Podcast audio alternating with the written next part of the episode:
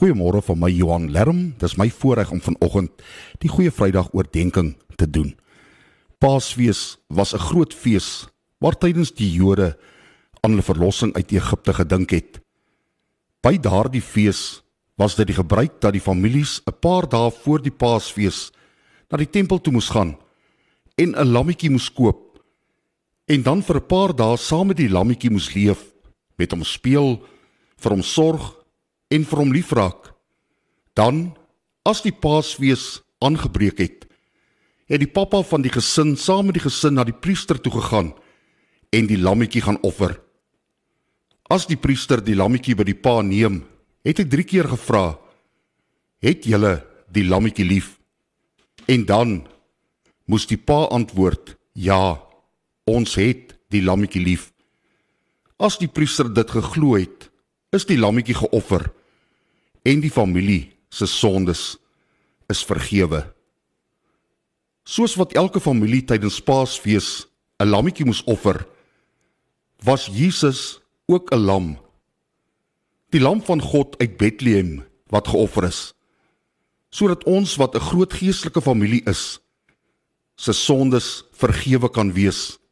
Daarom is dit Goeie Vrydag. Met dit in gedagte lees ons vanoggend Matteus 27 vers 45 tot 50. Van 12 uur af het daar duisternis oor die hele land gekom en dit het tot 3 uur geduur. Teen 3 uur het Jesus hard uitgeroep: Eli Eli lema sabachthani. Dit is my God, my God, waarom het U my verlaat? Party van die wat daar gestaan het, het dit gehoor en gesê: "Hy roep vir Elia." Een van hulle hardloop toe, vat 'n spons en maak dit vol suurwyn en hou dit op 'n stok vir hom om te drink. Maar die ander sê: "Wag. Laat ons kyk of Elia hom kom red." Jesus het weer hard uitgeroep en die laaste asem uitgeblaas.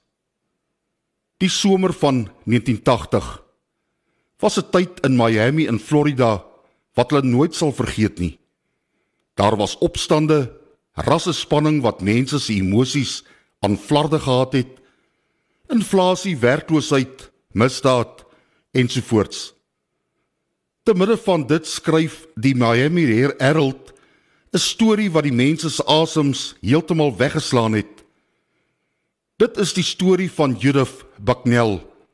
Aantreklik jonk, suksesvol en dood. Haar moord was die 106ste daardie jaar vermoor op die warm aand van 9 Junie. Haar ouderdom was 38. Gewig 59 kg. 7 keer met 'n skerp voorwerp gesteek. Verwrig. Wat dit nog meer merkwaardig maak, was dat sy dagboek gehou het. As sy nie het nie, sou die gedagtenis aan haar saam met haar liggaam begrawe gewees het, maar dit het bestaan. 'n Pynvolle beskrywing van 'n baie eensame lewe. Die skrywer van die artikel skryf oor haar. Sy was iemand wat gesukkel het, uitgemergel, 'n stem wat skree in die woestyn. Judith het nie daarin geslaag om liefde te vind nie. Sy het baie gegee, maar niks teruggekry nie. Haar stryd was nie uniek nie. Sy was bang om oud te word of vet of bekommerd dat sy nie sou trou nie of swanger raak of om net te oorleef. Sy het in 'n woonbuurt gewoon waar jy gebly het indien jy eensaam was maar gelukkig gelyk het. Sy was 'n verwarde mensie. Die helfte van haar lewe was 'n fantasie maar die helfte was ook 'n nagmerrie. Suksesvol as sekretaresse, maar 'n mislukking wat liefde betref. Sy het gesmag na mans met champagne en blomme, mans wat sou bel vir ordentlike afspraak, mans wat meer as net haar bed met haar wou deel. Sy was nie 'n prostituut nie, nie aan dwelms verslaaf nie of van die welsyn afhanklik nie. Sy was nooit in die tronk nie nie sosiaal onaanvaarbaar nie. heel spektabel. Sy het gedraf, partytjies gehou, ontwerpers klere gedra, 'n baie mooi woonstel met 'n lieflike uitsig gehad, maar sy was alleen. Sy skryf in haar dagboek: Ek sien mense saam en ek is so jaloers dat ek wil opgooi. Wat van my? Al was sy omring met mense, was sy op 'n eiland. Al het sy baie mense geken, het sy min vriende gehad. Al het sy baie minnaars gehad, het sy min liefde geken. Ek voel so oud, so ongeliefd, so ongewens, opgebruik. Ek voel ek wil huil en vir altyd slaap. Is een van Judith Bucknell se inskrywings in haar dagboek. Sy was eensaam. Eensaamheid. Dit is 'n snik, 'n kreun, 'n smartkreet. Kan jy dit rondom jou hoor? 'n Kind wat weggegooi is, iemand wat geskei is of alleen is na die dood van 'n geliefde 'n stil huis, 'n leë posbus, 'n verjaarsdag wat vergeet word. Die lang dae, die langer nagte. Ons sien en beleef dit elke dag tussen ons. Mense waarvan niemand weet dat hulle alleen is nie. Aan die buitekant perfek. Jou glimlag is vinnig. Jou werk is goed. Jou klere is onverbeterlik. Jou middeltjie is dun. Jou afspraakkalender is propvol.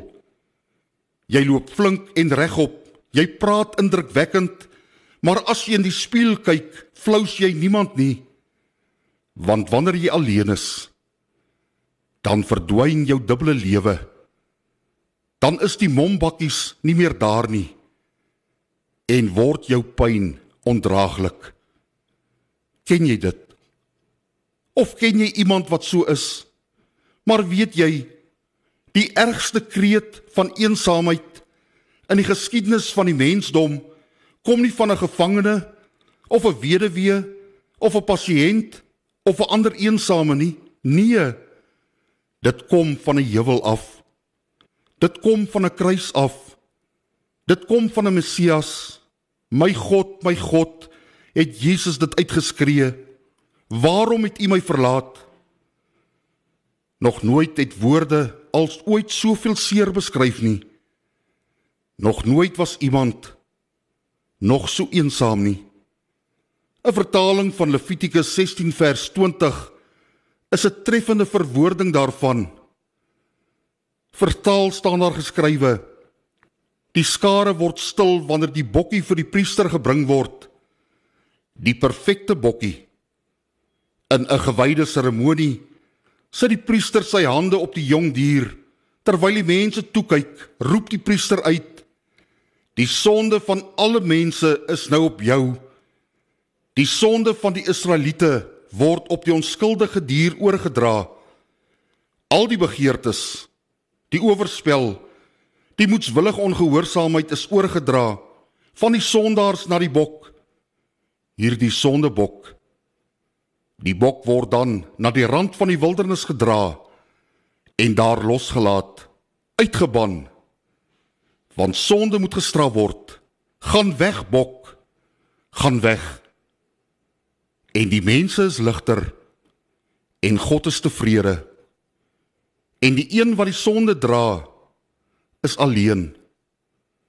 En nou op Kopbeen heuwel is die een wat die sonde dra weer alleen. Elke leuen wat ooit vertel is, elke misdaad, elke belofte wat ooit gebreek is, is op sy skouers. Hy is sonde en God draai weg. Gaan weg, bok. Gaan weg. Die afkeer in wat gebeur is donkerder as die duisternis oor die aarde. Vader en seun wat een was, is op daardie oomblik twee. Jesus wat in wat vir 'n ewigheid een met God was, is nou alleen. Christus is verlate. Die drie eenheid is gebreek. En Jesus kon dit nie hanteer nie. Die marteling en sla en koggel kon hy stil hanteer. Hy kon in stilte kyk hoe sy geliefde disippels weghardloop. Hy het hom nie teëgesit toe hy verneder is nie. Hy het nie eers geskree toe die spykers deur sy hande en voete gekap is nie. Maar toe God sy kop wegdraai, was dit baie meer as wat hy kon hanteer. Hy was stikkend. Hy was gebroke. Hy was alleen. Stoksiel alleen. En dan dink ek aan die dagboek. Ek voel verlate skryf Judith Baknel. En sy skryf verder: Wie gaan ooit vir Judith Baknel lief wees? En ons dink vanoggend aan ouers wie se kinders dood is of 'n vriend in die hospitaal of aan 'n ou mensie in 'n inrigting of ouetehuis of aan weeskinders of aan die kankersaal. Ons dink aan almal wat in hierdie jare geliefdes aan die dood afgestaan het. Ons dink aan almal wat hulle oë desperaat na die hemel toe oplig en vir God vra hoekom? Hoekom? Hoekom Here? En dan in my verbeelding sien ek hom. Ek sien hom luister. Ek verbeel my ek sien Jesus se oë vol trane wat met 'n deurboorde hand my trane wegvee. En al antwoord hy nie weet ek hy verstaan Here Jesus baie dankie dat u verstaan. Dat u verstaan wat in ons harte aangaan. Dankie dat u deurgedruk en die hoogste offer betaal het sodat ons vry kan wees. Sodat ons nie hoef te sterf nie. Sodat ons nooit weer eensaam of alleen hoef te wees nie.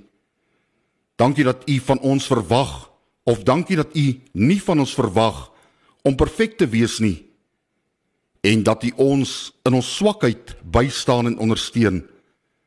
Dankie vir al dat U op Goeie Vrydag met elkeen van ons 'n nuwe reis begin en dat U ons vergesel en begelei tot in die ewige lewe waar ons hemelse Vader ons inwag. Ons loof U en ons eer U vir dit wat U vir ons gedoen het en deurgemaak het. Amen.